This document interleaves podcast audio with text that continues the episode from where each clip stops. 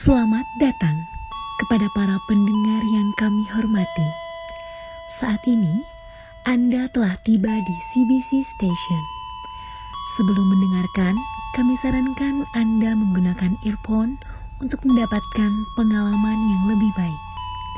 Kami ucapkan terima kasih atas kepercayaan Anda untuk mendengarkan podcast ini. Selamat mendengarkan. Terima kasih.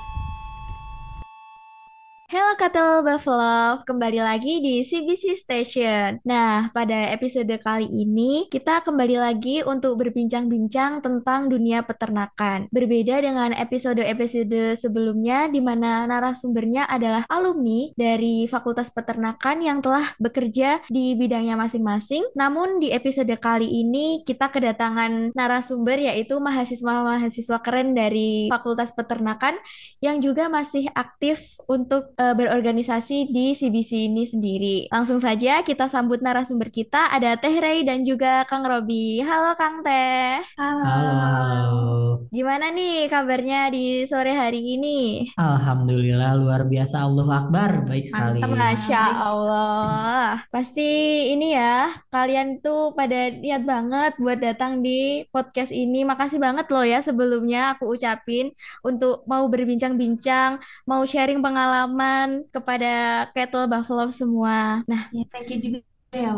Iya, nah aku mau ini nih, mau kepo-kepo nih. Kan kalian berdua ini kan udah semester 7 ya berarti ya? Betul, betul, betul. Nah, sebagai mahasiswa semester 7 nih, apa sih kesibukan kalian sendiri tuh yang dirasakan sebagai mahasiswa Fakultas Peternakan gitu. Boleh hmm. nih dari Teh Ray dulu mungkin? Ya boleh dari aku ya. Kalau aku sendiri sih kesibukannya sekarang di CBC kita ya. lagi fokusnya di CBC tapi selain CBC juga ya klise lah ya kuliah biasa mm -hmm.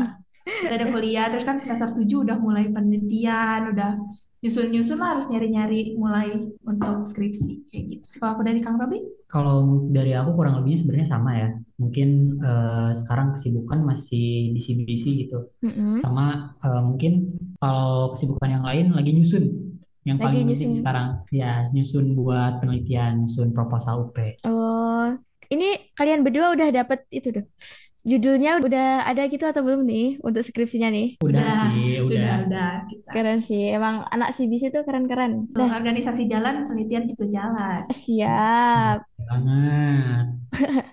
Nah uh, selain di CBC sendiri ya dulu dari dari awal kalian mulai kuliah tuh sampai sekarang tuh pernah ikut organisasi yang lain atau ikut kepanitiaan gitu nggak sih selama jadi mahasiswa di sini? Oh, kalau misalnya dari aku sendiri organisasi yang lain sih enggak ya mungkin mm -hmm. aku cuman ikut organisasi itu sih bisa aja tapi kalau misalnya untuk kepanitiaan kepanitiaan mungkin aku pernah uh, beberapa kali ikut uh, kepanitiaan di Papet uh, yeah. salah satunya itu aku ikut kepanitiaan buat uh, pola bina atau uh, ospeknya fakultas lah gitu. Oh. Mungkin kalau dari aku sih gitu. Kalau di Teresa gimana tuh? Oke, okay, kalau dari aku, tapi kalau untuk akhir-akhir ini fokus di CBC ya. Tapi kalau hmm. kemarin tuh sempat organisasinya pernah di BEM. Terus kalau untuk kepanitiaannya adalah beberapa kepanitiaan di fakultas sama di UNIF. Kalau dari Akang Teteh sendiri tuh ikut kepanitiaan udah dari semester berapa sih Teh? Atau kan aku nih maba ya di sini ya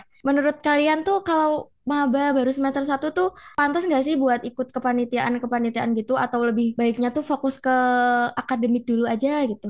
Ini sebenarnya pandangan beda-beda ya. Cuma kalau dari aku pribadi, mm -hmm. justru waktunya tuh dimulai dari maba karena mm -hmm. start awal masih fresh tuh, yeah. mulai masuk ke lingkungan kampus, mm -hmm. kan harus nyari uh, pergaulan juga ya. Nah di situ uh, momennya itu gimana kita nyari ketemu sama orang gitu nyari relasinya itu tuh momennya. Jadi kalau menurut aku sih dari awal walaupun dari maba ya yeah. harus udah mulailah join-join organisasi kepanitiaan kayak gitu. Nah benar banget tuh. Jadi uh, biar kita bisa makin nambah relasi gitu. Mm -hmm. makin ketemu sama orang. Kalau misalnya kita ikut kepanitiaan-kepanitiaan atau mungkin organisasi-organisasi yang lain gitu ya yeah. kita ketemu banyak orang kita bersosialisasi sama mereka kita dapat ilmu-ilmu baru dapat hal-hal baru gitu. Wih betul banget tuh. Gitu ya jadi kettle buffalo jadi tidak ada batasan untuk kita tuh mulai sebuah proses kayak kepanitiaan juga bisa dimulai dari semester satu tuh buat nambah relasi dan juga nambah pengetahuan-pengetahuan yang bisa bakal lebih penting gitu untuk ke depannya. Nah, selain uh, tugas utama orang mahasiswa itu adalah belajar gitu ya, tapi di sisi lain kalian kan juga ikut kepanitiaan gitu. Apalagi teh Ray tadi juga sempat bilang dulu juga ikut di BEM gitu ya. Pasti kan sibuk banget, pasti pasti kayak harus membagi waktu nih antara kepanitiaan sama kuliahnya gitu. Nah, dari kalian sendiri boleh dong ceritain ke teman-teman semua gimana cara membagi kesibukan antara kuliah dan juga berorganisasi atau kepanitiaan itu tadi. Oke, kalau misalnya dari aku mungkin eh, gimana cara ngebagi waktunya lebih ke diterapin pakai sistem prioritas ya. Jadi hmm. uh, yang mana yang harus diprioritaskan terlebih dahulu itu yang pertama dikerjakan gitu. Yeah. Dan yang paling pasti kan untuk kuliah itu prioritas pertama ya karena kita punya tanggung jawab kepada orang tua kita yang udah membiayain kita kuliah gitu. Yeah, itu betul banget. harus kita jadikan prioritas utama gitu kalau misalnya dari aku pribadi ya. Jadi aku pakai prioritas skala prioritas dan mungkin kalau misalnya perharinya biasanya aku uh, di list aku hari ini harus ngelakuin apa aja dari jam segini sampai jam segini. Dilihat dari jadwal kuliah aku dilihat dilihat dari jadwal-jadwal yang lain aku harus dapat goals apa aja nih di hari ini gitu. Biar si jadwalnya itu enggak tabrakan gitu sama jadwal yang lain. Kalau dari aku sih gitu. Kalau misalnya dari Tera sih gimana? Kalau dari aku sebenarnya kalau ngomongin time management ya, ini yeah. kan iya. sampai sekarang juga kita masih sama-sama belajar lah ya, apalagi mm -hmm. untuk memanajemen waktu, memanajemen kesibukan segala macam. Tapi kalau dari aku pribadi sih, selain tadi pakai prioritas, aku lebih suka kalau misalnya ngelakuin itu di hari itu jadi aku punya goals-goals kecil kayak gitu. Karena kalau untuk berpikir secara jangka panjang itu ada tapi kan namanya uh, banyaklah hal-hal tidak terduga di luar itu kan. Jadi aku kalau misalnya cara ngebaginya sih lebih ke ya udah untuk hari itu apa yang memang harus dikerjakan dikerjakan dan diusahakan sampai selesai kayak gitu yang penting targetnya tercapai di hari itu biar nggak keteteran dan untuk hari-hari besoknya bisa dipakai untuk ngelakuin yang lainnya atau organisasi atau kuliah oh begitu jadi sama-sama itu ya kak dilakuin aja dulu pokoknya. Terus juga dibikin skala prioritas. Betul. Oke, kita udah ngomong di luar CBC, ngomong tentang organisasi, tentang kepanitiaan di luar CBC. Nah, sekarang adalah momen yang ditunggu-tunggu nih buat Kettle Buffalo semua nih menanti-nanti uh, berbincang-bincangan kita ini tentang pengalaman kalian di CBC sendiri. Dari Kang Robi dulu deh, aku mau denger nih. Ada nggak sih pengalaman berkesan di CBC sejauh ini? Kayak pengalaman yang nggak dilupain gitu kayak misalnya cinlok kayak atau apalah terserah deh. Oh. Aduh. Waduh, kalau cinlok sih Cinlok ya saya ya. Cinlok kebetulan. Oh gitu. iya, masya Allah. Iya benar. gitu buat jadi penyemangat lah gitu kita berorganisasi kuliah biar ada penyemangatnya mm gitu. Nah kalau misalnya pengalaman berkesan aku selama di CBC mungkin kemarin yang cukup berkesan bagi aku itu aku jadi stage manager ya di uh, apa di HSN. program HSN atau Hari Susu oh, Nusantara gitu. Nah aku ngerasa di situ uh, aku bisa belajar bagaimana cara mengarahkan orang lain, cara mm memanajemen orang lain dan dan hal-hal sejenisnya gitu. Nah di situ aku merasa uh, cukup berkesan gitu. Nah, dari aku kayak gitu. Jadi di CBC ini Akang juga itu ya belajar tentang kepemimpinan juga ya bisa betul. membuat suatu event gitu yang besar. Ya betul. Terus dari Tehri sendiri ada nggak sih? Kalau dari aku sebenarnya ini klise ya lagi-lagi. Cuma kalau mm -hmm. dari aku sih banyak banget pengalaman berkesan yang aku dapat di CBC. Entah itu kayak uh, banyak hal yang aku dapetin, entah misalnya dari ilmu materi, ilmu iya. lapangan, yeah. apalagi kita nih angkatan COVID ya, dua tahun kita di rumah, kita, kita online. Berarti kalian itu dua tahun uh, berorganisasi di CBC juga ada online-nya gitu teh, nggak nah, selalu di kandang ya? Iya, kita awal-awal di kelas tuh ya, masih mm -hmm. di rumah kayak masih gitu. di rumah. Jadi uh, pengalaman berkesannya adalah waktu yang kita pakai di rumah untuk mm -hmm. online tuh bisi-bisi entah kenapa kerasa kebayar gitu, entah dari ilmu yeah. siannya, ilmu organisasinya, ilmu eventnya juga kebayar gitu. Jadi jadi itu paling berkesan sih relasi juga di situ sih dapat. Iya sih, kayak bisi-bisi alumninya tuh pada baik-baik semua, pada masih peduli nah. ngerangkul adik-adiknya gitu. Welcome semua ya terekam semua cuy. Kalian itu ya bisa keren banget kayak dulunya tuh online tapi sekarang bikin proker-proker yang offline tuh bisa beradaptasi gitu. Thank you. Itu satu adaptasi yang harus, harus mau nggak mau ya harus dilakukan iya. juga. Ngomong-ngomong nih Teh Rey sama Kang Robi tuh di CBC posisi atau jabatan yang saat ini sedang dipegang tuh apa ya? Oh kalau misalnya aku mm -hmm. saat ini aku megang jabatan mungkin aku jadi sekarang jadi kepala biro limbah ya oh. yang di bawah divisi litbang ada hmm. biro limbah itu aku kepalanya. Kalau dari Teh? Kalau aku sendiri itu untuk tahun ini alhamdulillah diamanahi jadi kepala divisi dari penelitian dan pengembangan atau divisi litbang. Oke, berarti di sini ceritanya tuh Teh Rey itu dari divisi litbang tuh membawahi biro limbahnya itu tadi ya, yang diketahui oleh Kang Robi itu, gitu iya, ya? Iya, betul. Ngomong-ngomong soal litbang nih, mungkin di luar sana teman-teman Katel Buffalo ada yang udah tahu, ada yang belum tahu.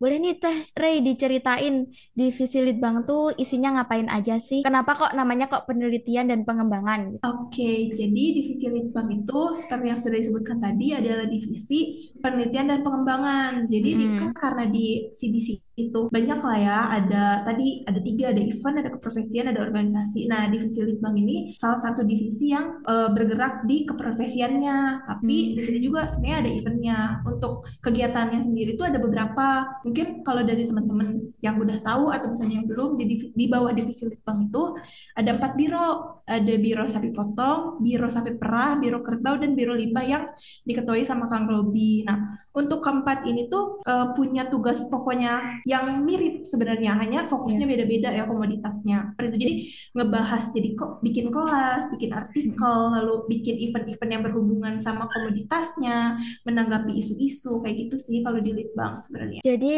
di divisi litbang tuh kita belajar ke profesian ya. Ada Betul. komoditasnya sendiri-sendiri. Mantep banget nih. Biasanya kalau di dunia perkuliahan itu apa namanya cuman materi aja mungkin di divisi litbang orang tuh bisa langsung prakteknya ya bahkan teh. Benar, makanya tadi kita dua tahun online aja keganti gitu di sini sih kerasanya ya secara iya. langsung. Kalau dari Kang Robi sendiri di Biro Limbah tuh ngapain aja Kang? Belajar okay. tentang Kalau apa aja tuh? Dari aku udah pasti ya sesuai namanya Biro hmm. Limbah gitu.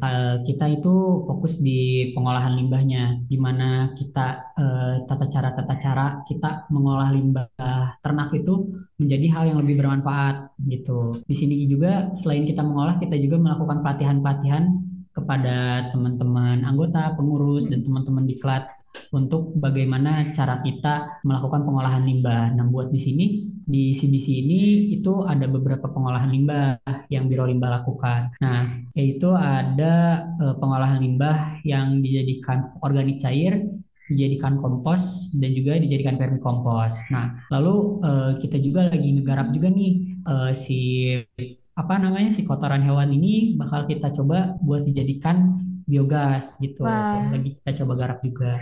Keren keren keren. Gitu. Ternyata di dunia peternakan tuh nggak hanya nggak hanya sapinya aja yang bermanfaat misalnya, tapi ternyata kotorannya pun juga bisa dimanfaatin juga ya, Kang. Oh, bener nah. banget dan itu cukup menghasilkan lah ya kotoran mm -hmm. hewan itu kalau misalnya kita olah dengan benar gitu mm -hmm. menjadi pupuk itu eh, petani-petani uh, itu biasanya banyak yang nyari gitu jangan kan gitu deh kemarin juga uh, teman-teman dari Faperta juga gitu mm -hmm. dari pertanian itu banyak yang nyari itu kompos dari kita bener banget kalau biogas sendiri yang seperti yang diceritain Kang Robi tadi itu kan sebuah inovasi ya. Sekarang tuh katanya penyumbang emisi gas rumah kaca tuh eh, global warming tuh katanya juga dari pupuk-pupuk kandang gitu. Nah, jadi biogas ini salah satu inovasi untuk mencegah atau mengurangi hal tersebut. Dari Kang Robi sendiri kalau belajar tentang kayak kayak cara pengolahan pengolahannya tuh dari mana sih Kang? Oke, kalau misalnya dari aku belajar cara pengolahan pengolahannya hmm. mungkin pertamanya kita belajar dari uh, pastinya dari tempat kuliah ya, yeah. dari tempat kita berasal gitu, dari Papet, hmm. dari Fakultas Peternakan. Nah kita belajar dari situ dan kita udah dapat dasarnya, kita coba kembangkan gitu di CBC. Bagaimana sih cara pembuatannya yang baik dan benar? Gitu. Kita hmm. lakukan evaluasi juga tentang si pupuknya itu seperti apa dari pupuk yang sudah kita hasilkan gitu. Hmm. Tapi uh, selain dari dosen juga kayak kemarin ada pengolahan vermikompos itu kan kita uh, masih awam lah ya karena masih yeah. coba. Kita juga nyari ke pelaku pelaku pengolahan limbahnya gitu. Jadi yeah. selain dari dosen yang ada di Fapet, mm-hmm. nyari juga nih keluar secara mandiri kayak gitu. Berarti kalian eksplor dulu ke peternak-peternak atau atau yang bergerak di orang-orang yang bisa membuat vermikompos tuh kalian datengin terus habis itu kalian belajar dari sana lalu dituangin di CBC-nya gitu. Betul. Jadi bener ya Raisa tadi kita juga nyari ke pelaku-pelaku pembudidaya vermikompos ini. Nah, jadi kemarin juga uh, kita datang ke sana, kita ya silaturahmi ke sana, kita coba buat belajar dari yeah. teman-teman uh, teman-teman peternak atau pembudidaya vermikompos ini buat kita belajar vermikompos itu dari awal sampai panen itu kayak gimana seperti apa hmm. tuh dan kita coba aplikasikan di CBC gitu. Ya berarti kita tahu langsung dulu, tahu cara pembuatannya langsung habis itu dipraktekin di sini. Terakhir di mana kan kalau boleh tahu nyari-nyari kayak gitunya tuh, nyari hmm. orang-orang hmm. yang bergerak di vermikomposnya gitu. Terakhir kalau boleh tahu di mana? Oh, terakhir kita ke Lembang, itu ke hmm. Pak Deddy Koswara.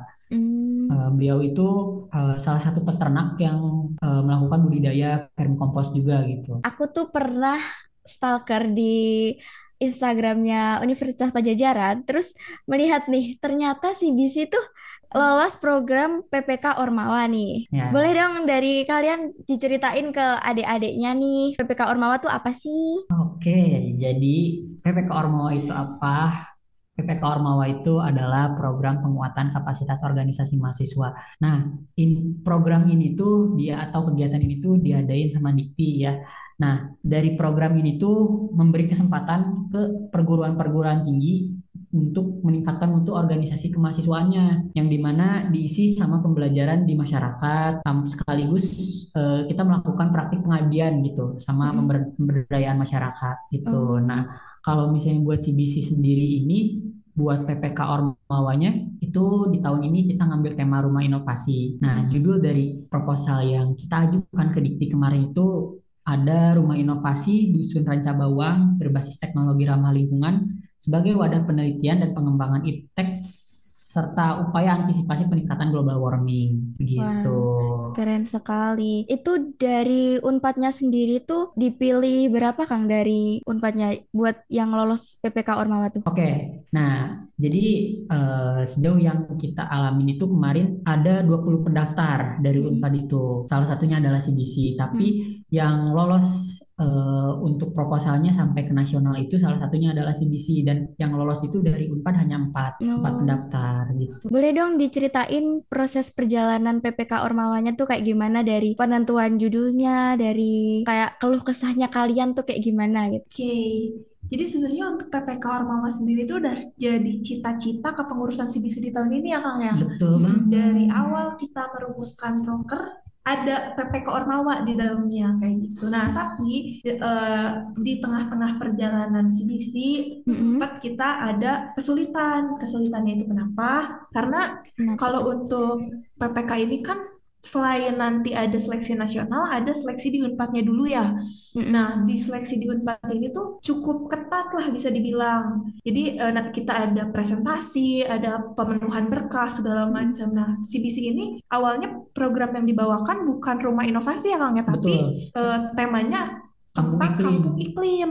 Mm-hmm. Ketika kita presentasi di rektorat itu kita yeah. ke pihak Unpad, ke reviewer di Unpad, itu kita terbantahkan. Maksudnya terbantahkan di sini adalah program yang kita bawakan itu serupa dengan program yang dibawakan oleh ormawa lain di Unpad juga. Oh. Jadi kita bersaing nih di sini. Yeah. Nah, kita di situ ada uh, bisa disebut kalah suara lah ya Kang yeah, ya untuk tema kampung iklim. Tapi karena dari uh, pihak Unif nih ngelihat dari kita ada kemauan dari kita mm -hmm. ada uh, usaha segala macam dari mereka menawarkan apakah kita mau mengambil tema dengan tema lain gitu ya.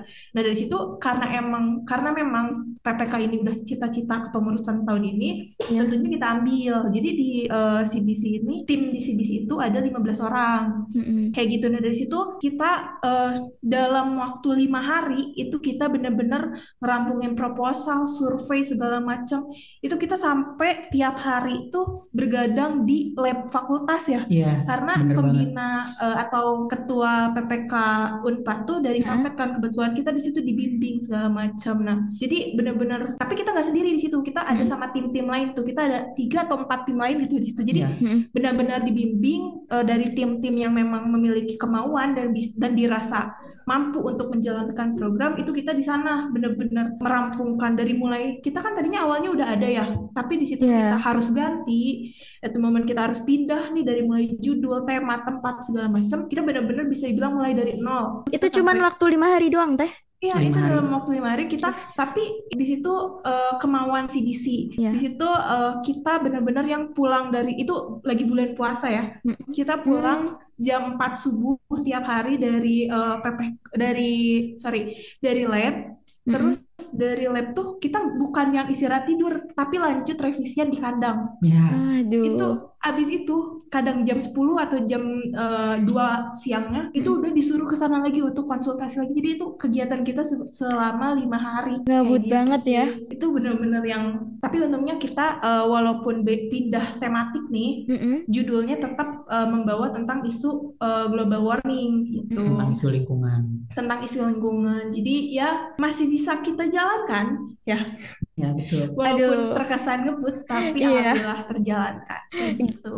Gimana tuh jadi dari awal tuh sebenarnya udah nyusun program ini itu ini itu ternyata harus diganti apalagi revisinya cuma lima hari doang ya oh, itu bola itu pembagian tugas ada yang ngerjain mm -hmm. proposal ada yang tugasnya ke desa langsung, desa langsung mm -hmm. konsultasi ke uh, warga nah yeah. tapi untungnya jadi uh, daerah yang kita pakai itu adalah daerah yang sebelumnya uh, pernah kita datengin ya. ya Jadi uh, selain kita tuh di sini kan bawa rumah inovasi nih, rumah inovasi itu uh, untuk mewadahi masyarakat-masyarakat di sana berdiskusi. Nah, kenapa kita berani ngambil mm -hmm. uh, tematik rumah inovasi dalam waktu lima hari yeah. karena kita udah pernah melakukan observasi atau kita pernah berdiskusi sebelumnya dengan warga desa itu dan kita yakin nih bahwa warga desa itu juga mampu uh, untuk mewadahi program kita mewadahi dan menjalani program kita gitu jadi sebenarnya kalau terkesan orang ngedenger lima hari tuh buru-buru mm -hmm. segala macam itu buru-buru kita penyusunannya buru-buru tapi untuk bekalnya dari mulai judulnya maksudnya judulnya yeah. isu yang kita angkat ya mm -hmm. isu yang kita angkat lalu uh, target desanya itu juga udah dari sebelum-sebelumnya kayak gitu. Jadi ya alhamdulillah lah ya. Oh, jadi apakah Teh Rey sama Kang Robi atau dari CBC-nya sendiri itu udah pernah mengenal desa itu ya berarti? Iya, betul. Jadi uh, sebelumnya pernah lah ke sana karena itu kan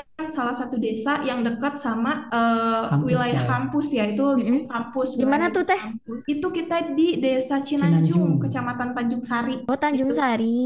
Betul. Yeah. Tepatnya kita di Dusun Ranca Bawang ya. Tuh. Jadi ya pernah lah ke sana beberapa kali ngelakuin ngobrol, diskusi, diskusi yeah. santai situ. Dan kalau yang dari kita lihat, mm. mereka tuh orangnya uh, masyarakat di sana tuh inovatif. Maksudnya di sini inovatif, mereka tuh bisa uh, ngebangun program mm. yang sesuai dengan permasalahan yang lagi mereka alami. Hanya saja uh, tertabrak lah di sini istilahnya karena mereka itu nggak ada wadah. Wadah untuk merealisasikan hal tersebut wadah untuk mendiskusikan hal tersebut. Maka dari itu kita bangun rumah rumah inovasinya di sana. Kayak hmm. gitu. Kalau untuk persiapan yang sebenarnya yang bukan di luar lima hari itu yang seben yang tema sebelumnya itu butuh waktu berapa lama teh? Yang sebelumnya jadi dulu tuh uh, eh, CBC sebenarnya ada dua proposal mm-hmm. karena kita kan ada uh, di Litbang tuh ada dua biro yang mengajukan ya dari biro uh, limbah dan juga biro sayur potong mm-hmm. itu tuh udah dipersiapkan dari awal dari mulai pas penyusunan program dari setelah penyusunan program muker untuk muker untuk musyawarah kerja yeah. uh-uh. Itu udah disusun segala macam lalu di tengah-tengah digabungkan jadi satu judul gitu. Lalu ketika kita udah presentasi uh, ditawarkan, diberi tawaran untuk mengambil kesempatan lain. Iya. Jadi uh, kalau bisa dibilang persiapan sih sebenarnya terlepas nah. dari yang lima hari ini ya, itu mm -hmm. dari awal sih. Sekitar dua bulan, tiga bulan ya. Iya dua bulan. Berarti untuk temanya sendiri emang terfokus di biro limbah sama sapi potongnya ya awalnya? Iya pada awalnya, tapi sekarang kita fokusnya ke masyarakat, pemberdayaan mm -hmm. masyarakat. Wih, keren. Terus sampai akhirnya disetujui itu, kalian juga presentasi ulang lagi gitu teh? Iya. Iya. Uh, jadi waktu itu setelah kita lolos nih, mm-hmm. kita udah presentasi di Unpad, kita nunggu nih deg-degan kan tuh, dapat gaya, dapat gaya yang di Unpad. Ya, oh berarti yang habis ngerjain lima hari itu juga masih diseleksi ulang lagi, bukan kayak satu cuma masih, disuruh? Masih kita masih, masih. seleksi ulang lagi. Ya. Oh. Jadi uh, sehabis kita kan tadi ada 20 tim nih mm -hmm. dari Unpad. Nah, dari Unpad tuh diseleksi untuk diajukan ke nasional. Mm -hmm. Nah, yang diterima sama nasional itu hanya 4 dari 20 dari 20 oh, oh sorry dari 20 diseleksi jadi 16 uh -uh. dari 16 di, uh, lalu itu diajukan untuk seleksi berkas di nasional mm. nah yang lolos ke seleksi berkas nasional itu empat tim yeah. termasuk CBC nah lalu ada juga seleksi nasional secara presentasi gitu nah itu diseleksi lagi tapi alhamdulillah kalau dari empat keempat-empatnya lolos kayak gitu. Di nasional katanya juga ada presentasinya juga. Berarti ada. berarti presentasi lagi di apa sih itu yang membawahi apa teh berarti kalau PPK Ormawati? Kita dari uh, Dikti. Dikti. Dirjen gitu. Dikti kita. Kegiatannya apa aja tuh teh bikin rumah inovasi tuh kegiatannya CBC di sana apa aja sih? Oke, kalau untuk fokus, jadi kan kalau di uh, eh, PPK ini ada programnya, ada program kerja atau program kegiatannya. Hmm. Nah, untuk program yang kita bawain di sini sendiri itu rumah inovasi yang kita kasih nama ruang hmm. temu cipta. Jadi di ruang temu cipta ini diberikanlah tertuanglah di sini banyak harapan dari kita sebagai mahasiswa untuk menjadi wadah bagi masyarakat gitu untuk uh, berdiskusi lah, memecahkan masalah, lalu merealisasikan apa yang sudah mereka rencanakan kayak hmm. gitu. Nah untuk kegiatannya sendiri, rumah si ruang temu cipta ini diisi hmm. sama diskusi-diskusi masyarakat. Nah kan kebetulan kita tuh rumahnya beneran bentuk rumah. Jadi alhamdulillahnya di desa itu tuh ada satu rumah itu tuh hibah sebenarnya. Hmm. Uh, rumahnya itu terletak di sebelah TPS Cinanjung. Mm-hmm. dan kita diizinkan untuk menggunakan rumah itu.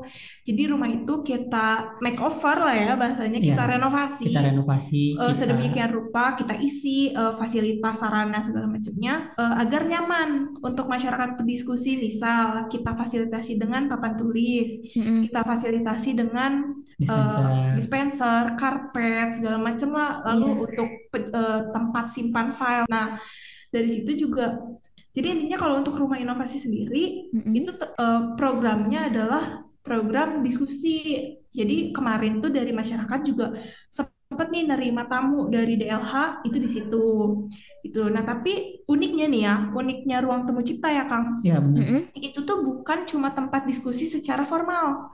Karena kemarin dari yang kita dengar juga uh, dari masyarakat tuh laporan lah ya kita yeah. karena apresiasi lah atas program dijalankan. Mereka juga cerita cerita gitu. Uh, adalah kan di IPTEK ini bukan hanya iptek ya tapi ada S-nya iptex gitu. Ini tuh di sini hmm. S-nya adalah uh, sosial, sosial dan, dan seni budaya. budaya. Nah jadi hmm. permasalahan-permasalahan masyarakat juga banyak yang diselesaikan di sana hmm. kayak gitu biasanya kan diselesaikannya di warung kopi kalau ngobrol yeah. atau misalnya di jalan ketemu tuh ibu-ibu biasanya ngobrol di sana nah ini enggak dibawa hmm. tuh sama si masyarakat itu hmm. ke ruang temu cipta kayak gitu nah tapi kalau itu kan tadi programnya untuk yeah. program kerjanya sendiri atau program kegiatannya itu hmm. ada beberapa ya kita yeah. tapi fokusnya tentang ke uh, global warming uh, pengolahan limbah dengan teknologi ramah lingkungan kayak gitu jadi mungkin kalau untuk program kerjanya boleh kalau lebih ya jadi program program kerjanya itu kita ada dua ya. Mm-hmm. Yang pertama itu uh, biokonversi maggot sama satu lagi itu adalah biogas. Mm. Nah, jadi kemarin itu kita kebetulan kan uh, si ruang tunggu cipta ini atau rumah inovasi yang kita bangun ini yeah. di ya. sebelah TPS ya. Nah, hmm. jadi kita dapat keluhan dari teman-teman di TPS dan uh, waktu kita ngobrol sama warga-warga sekitar juga itu ada keluhan di sana tuh sampah organiknya tuh nggak keolah dengan sempurna gitu. Jadi hmm. biasanya sampah organik kan yang nimbulin bau ya, iya, bau bau bau di jalan gitu hmm. atau di tempat sampah dan sebagainya. Nah itu tuh jadi permasalahan di warga sekitar sana gitu. Pencemaran juga. Ya pencemaran juga, hmm. baik pencemaran udara, pencemaran tanah, tanah juga gitu. Nah, kita dapat uh, laporan setelah kita ngobrol-ngobrol lah gitu sama warga di sana. Yeah. Nah, akhirnya kita mau bawain apa nih kira-kira buat mengatasi permasalahan dari si warga ini. Nah, akhirnya disusunlah program kerja yang tadi dua itu, biokonversi maggot dan juga uh, biogas berdasarkan keluhan dari masyarakat di sana. Berarti program kerjanya itu disusunnya bukan waktu kalian nyusun PPK Ormawanya ya, tapi setelah berdiskusi sama masyarakat yang ada di sana, masalahnya apa, terus solusinya itu kalian bikin proker ini. Oke, okay, uh, hmm. jadi uh, dari yang Teh Raisa ceritain sebelumnya juga, kita kan udah sempat ke sana ya gitu, hmm. beberapa kali ngobrol ke sana gitu. Kita awalnya kan mau membawakan juga program yang kampung iklim ya Teh Raisa ya. Di dalamnya juga kita ngobrol sama masyarakat gitu permasalahan-permasalahan di sana tuh kayak gimana. Nah salah satunya adalah hal tersebut gitu. Nah kita membawakan uh, program tersebut juga berdasarkan hasil ngobrol kita nih sama yeah. warga di sana. Mm -mm. Gitu. Terus kalau dari pengembangan masyarakatnya sendiri di ruang temu cipta kan bisa bicara nggak hanya soal dunia peternakan yang nggak ya, Kang Teh. Nah terus kalau misalkan mereka ada masalah di luar peternakan tuh cara kalian buat ngasih solusinya ngasih masukannya tuh gimana? Padahal basicnya kita kan dari fakultas peternakan. Jadi misalkan ada masalah yang di ilmu politik atau sebagainya tuh gimana Kang Teh? Oke, okay. hmm. jadi uh, ini balik ke basic dari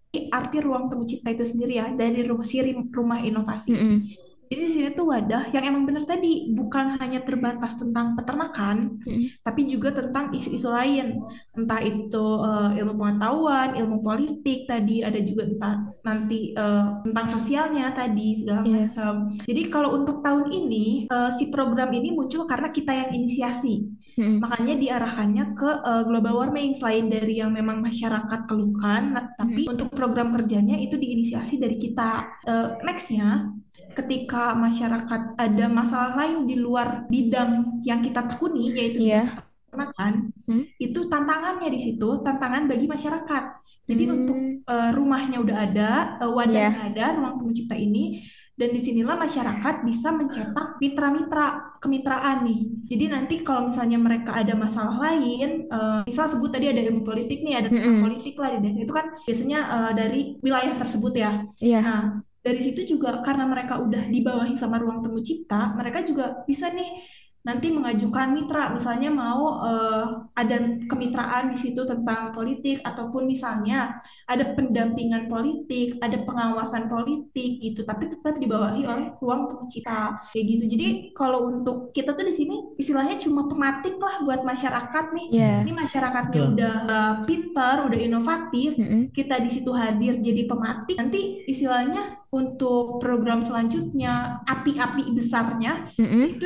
dilakukan oleh masyarakat. masyarakatnya sendiri ya. So, jadi kita tetap mendampingi, tapi bukan berarti kita yang memimpin jalannya mereka. Jadi mm -hmm. mereka yang akan memimpin jalannya mereka sendiri gitu Wih, kita ya. Keren. Betul. Jadi kita lebih ke nyediain wadah buat mereka ya. Iya. Betul. Ya, lebih ya, menginisiasi lah ya dan memfasilitasi dan juga fasilitator. Ya betul. Mm -hmm. Terus kalau untuk pertemuan-pertemuan yang bakal diadain di ruang temu cipta sendiri tuh dari masyarakatnya sendiri atau dari panitia PPK Ormawa dari CBC-nya teh yang nentuin? Oke, okay, kalau misalnya buat pertemuan-pertemuan di ruang mm -hmm. temu cipta ini, mungkin dari kami dari tim PPK ini ada jadwal-jadwal yang memang kita datang ke sana untuk mengumpulkan warga gitu, yeah. untuk sharing, untuk ngobrol-ngobrol lah sama warga di sana gitu. Tapi uh, itu nggak terbatas juga, jadi warga setiap hari ada di sana itu nggak masalah gitu karena ruang temu cipta ini diciptakan untuk warga bertemu di situ gitu mm. biar bisa mewadahi atau memfasilitasi eh, warga-warga yang tadinya mungkin ketemu cuma ngobrol di tukang sayur ibu-ibu mm. gitu atau misalnya kita bapak-bapak ya, di bapak-bapak di warkop gitu di warung-warung kopi atau misalnya di pos ronda gitu. Nah, kita memfasilitasi itu gitu. Uh, untuk warga itu berkumpul di situ. Walaupun cuma sekedar ngobrol-ngobrol yeah. ya ngobrol-ngobrol biasa gitu.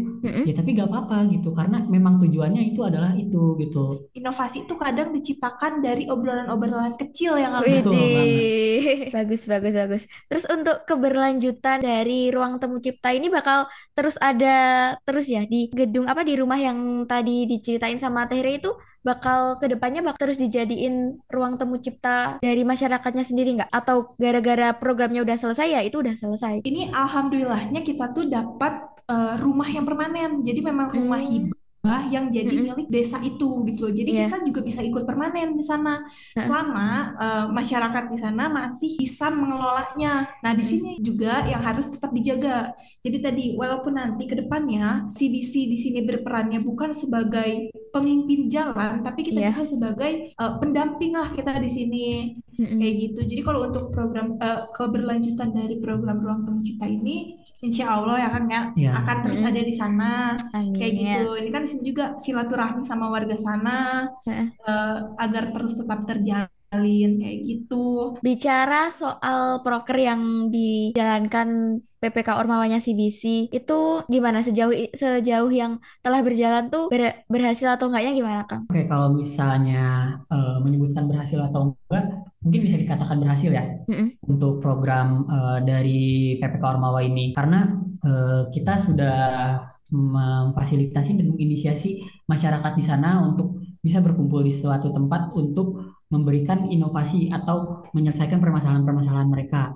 Nah, salah satunya itu uh, dari permasalahan sampah yang ada di sana. Ya, yang tadi. kita inisiasi, ya betul. Yang tadi itu dari biogen versi Magot dan juga uh, biogas. Mm -hmm. uh, yang alhamdulillahnya udah rampung ya teh ya di sana. Ya, di ruang di rampung. ya pembangunannya udah rampung gitu di sana untuk mengatasi permasalahan-permasalahan sampah organik di uh, masyarakat sana gitu. Oke, berarti jadi... berarti dari CBC-nya kayak ngebe uh, memberikan pelatihan atau bagaimana tuh untuk mengelola sampahnya tadi? Nah, jadi kebetulan di sini mm -hmm. juga kita uh, di program kali ini kita bermitra kita menjalin kemitraan sama PT Biometa Green.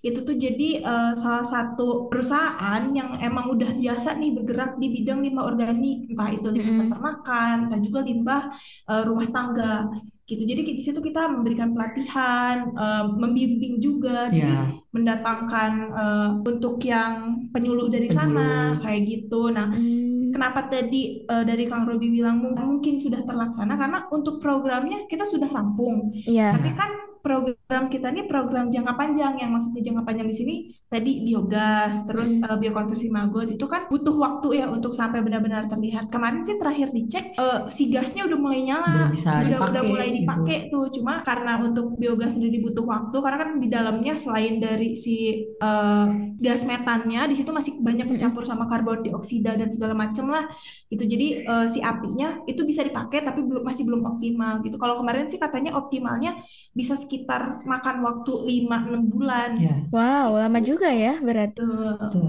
Berarti produk biogasnya nanti juga bakal dimanfaatin sama masyarakat di sana sendiri ya? Benar banget. Benar banget. Mungkin nanti di ruang temu cipta itu misalnya bapak-bapaknya mm -mm. mau bikin kopi gitu. Pakai biogas yang tadi gitu. Ya, Gasnya habis nih. Atau misalnya rebus mie gitu. Iya. Oh, gas habis kan kita ada biogas gitu. Menghemat kan biogas tuh energi baru terbarukan, baru terbarukan cuy gitu. Berarti ini ya respon masyarakat di sana terkait dengan PPK-nya sendiri kayaknya begitu itu ya antusias banget ya kayaknya menyambut CBC ini di sana. Iya, buat respon masyarakatnya itu awal kita datang ke sana aja bener-bener mm -hmm. kayak welcome banget gitu masyarakatnya tuh. Kayak seneng lah gitu ada mm -hmm yang bisa memfasilitasi mereka gitu, hmm. yang bisa menginisiasi mereka uh, akan inovasi-inovasi baru gitu. Hmm. Bahkan kita aja di sana Kenapa jarang itu? keluar uang makan ya, iya, karena dari mereka tuh karena itu tadi antusias tadi menyediakan hmm. jadi kita tuh kadang ngeliwat bareng makan bareng di sana bahkan sampai hal-hal kecil kayak cemilan-cemilan aja mereka sediakan hmm. gitu kita awal Wede. pertama ke sana bawa cemilan sendiri ya, ya untuk ke mereka tapi dari gitu. mereka juga. Banyak menyediakan kita kan jadi kayak kan jadi enak kayak gitu ya. Jadi enak. Benar-benar diterima gitu ya. Iya. Terus kalau itu kang teh dari waktu pelaksanaannya sendiri kalian terjun ke masyarakatnya tuh berapa lama? Oke okay, buat oke okay, buat waktu mm. pelaksanaannya gitu kita itu ada lima bulan ya kayak ya. oh, bulan. untuk pelaksanaannya mm. gitu kemarin. Dari Juli sampai November. Ya Juli. Juli sampai November Terus yang di sana tuh ganti-gantian gitu dari panitia, dari PPK Ormawanya, dari CBC sendiri. Iya, jadi kita kan tadi ya ada jadwal rutin. Nah, jadwal rutin ini karena uh, waktunya sendiri kan waktu kerja ya kita di sana nggak bisa weekend gitu. Selain karena emangnya weekend waktunya untuk kumpul keluarga lah ya, apalagi kan pengelola di sana tuh uh, yang udah berkeluarga semua. Jadi kita juga yeah. menyesuaikan waktu dengan waktu uh, di weekday itu. Jadi untuk pembagiannya tadi kan pasti ada yang kuliah, ada segala macam. Yeah. Jadi kalau dari kita ya yang bisa ke sana ke sana gitu semakin ramai semakin bagus karena kan yeah. jadi makin terjalin ya betul silaturahminya. Jadi dari kitanya tuh lebih ke menyesuaikan lah kalau misalnya dari panitia gitu karena kan kita ada yang kuliahnya online, ada yang harus ke kampus gitu, ke lab buat praktikum gitu. Jadi kalau misalnya dari panitia lebih ke menyesuaikan dari menyesuaikan jadwal kuliah. sama jadwal kuliah. Ya kalau misalnya buat uh, dari warga dari jadwalnya itu kita sesuaikan yeah. juga sama jadwal-jadwal dari warga di sana. Oke, lima bulan di sana pasti waktu yang lama banget. Apa sih keseruan-keseruan yang didapetin dari kegiatan itu tuh? Hal yang paling diingat. Ya. Banyak sih. Banyak. Kalau harus disebutin satu-satu. Aduh, ini sampai besok maghrib lagi nih kalau ceritain. Boleh deh, boleh deh. dari Kang Robi dulu hmm. boleh mungkin. Karena kan Kang okay. Robi kan yang uh, apa dah yang berkecimpung di dunia limbah ya, Kang? Ya. Tok. Kalau misalnya dari aku sendiri mungkin keseruan lah ya bisa disebut keseruan. Kemarin waktu kita mau merampungkan biogas sama merampungkan biokonversi magor, itu kan kita eh, bisa dibilang mengolah lahan di sana lah ya gitu. Mengolah lahan di sekitar ruang temu cipta itu dan di sana dibantuin sama warga-warga gitu. Dan itu menurut aku seru sih gitu. Hmm. Soalnya kita bersosialisasi sama warga, kita bersosialisasi sama teman-teman. Maksudnya bener-bener kayak kerja bareng di situ gitu. Hmm. Bersosialisasinya tuh. Sama kalau dari aku seneng apa ya? Karena aku dapat pengalaman baru gitu di situ. Uh, sebelumnya kan aku tuh agak apa ya namanya? Bisa dibilang bingung lah gimana harus uh, ngobrol sama orang yang nggak kenal gitu. Iya. Waktu kita datang ke sana kan kayak, aduh ini takut salah ngomong gitu. Tapi kelama kelamaan setelah kita bersosialisasi sama warga di sana, oh ternyata enak gitu. Dapat ilmu baru gitu. Gimana kita cara sosialisasi sama orang lain, sama yang lebih tua gitu. Gimana bersosialisasi sama yang anak mudanya. Mungkin kalau dari aku gitu sih ya. Kalau dari Teresa gimana? Kalau dari aku, kalau dari program ini banyak ya selain tadi -hmm. itu bergadang pas penyusunan, terus rasa yang kita uh, rasa yang muncul saat kita diterima di sana, melihat antusiasme dari warga di sana ya bagus, tinggi gitu. Itu tuh salah satu yang nggak bisa dilupain lah. Nah tapi ada juga nih beberapa hal lain kayak kita nih di sini mengusung uh, tema kesetaraan di ruang kita jadi kadang kita ke sana uh, membawa dari luar niatnya untuk penyuluhan segala macam, tapi kita juga di sana ikut belajar ya. ya Kayak untuk banget. Pemilahan sampah itu juga kita yang tadinya niat untuk uh, mengembangkan warga biar bisa lebih uh, memilah sampah, tapi kita juga ikut belajar dalam pemilahannya kayak gitu. Mm -hmm. Jadi banyak hal yang kita tuh di sana bukan cuma sekedar mengajari kan kesannya mm-hmm. kalau sekarang banyak program-program tuh mengajari ke masyarakat ya mm-hmm. tapi di sini tuh enggak kita juga sama-sama ya sama-sama ya, kita belajar bareng-bareng juga diajarkan balik oleh masyarakat tadilah cara berkomunikasi yang baik cara menjalin silaturahmi dengan orang tua uh, mm-hmm. seperti apa dengan yang seumuran seperti apa karena kan di situ kita di dalam suatu tim juga ya mm-hmm. itu banyaklah hal-hal yang uh, diajarkan dari PPK ini ke kita dan itu gak bisa kita lupain soalnya di sana kalian ketemu bener-bener terjun di masyarakat ketemu orang dari yang muda sampai yang tua gitu ya. Jadi belajar bersosialisasi juga langsung ke masyarakatnya. Terharu nggak sih Kang Teh kayak kalian tuh bisa bisa ngebuat acara ini berhasil gitu bisa ngebuat masyarakatnya jadi lebih dekat jadi lebih lebih ada wadah untuk bersosialisasi juga untuk berdiskusi antar masyarakatnya gitu kayak uh kalian tuh pelopornya gitu di sini tuh. Haru banget ya. Haru itu banget sih itu. itu rasa nah, yang nggak bisa dilupain sih ya. Rasa. Perasaan-perasaan itu tuh wah susah lah pokoknya kalau misalnya harus dijelasin. Intinya uh, tadi lah ya kita di sini juga nggak pengen program ini berhenti sampai di sini. Maksudnya sampai ke pengurusan ini terus nanti sampai selesai pelaporan segala macam. Tapi juga ke depannya pengen apa yang udah diinisiasi di sini saat ini itu tetap terjalin ke depannya dan juga dapat uh, adalah prospek keberlanjutan sama teman-teman CPC lain di sini. Iya, semoga teman-teman Katel Buffalo semua di sini juga bisa nerusin nih kayak prestasi-prestasi dari CBC ini sendiri seperti mendapatkan pendanaan PPK Ormawa juga ya. Pertanyaan terakhir buat Kang Robi dan juga Teh Rey sekaligus menutup segmen pada episode kali ini. Aku mau nanya apa sih harapan Akang Teteh untuk CBC ke depannya? Oke, dari siapa dulu nih? Dari aku dulu.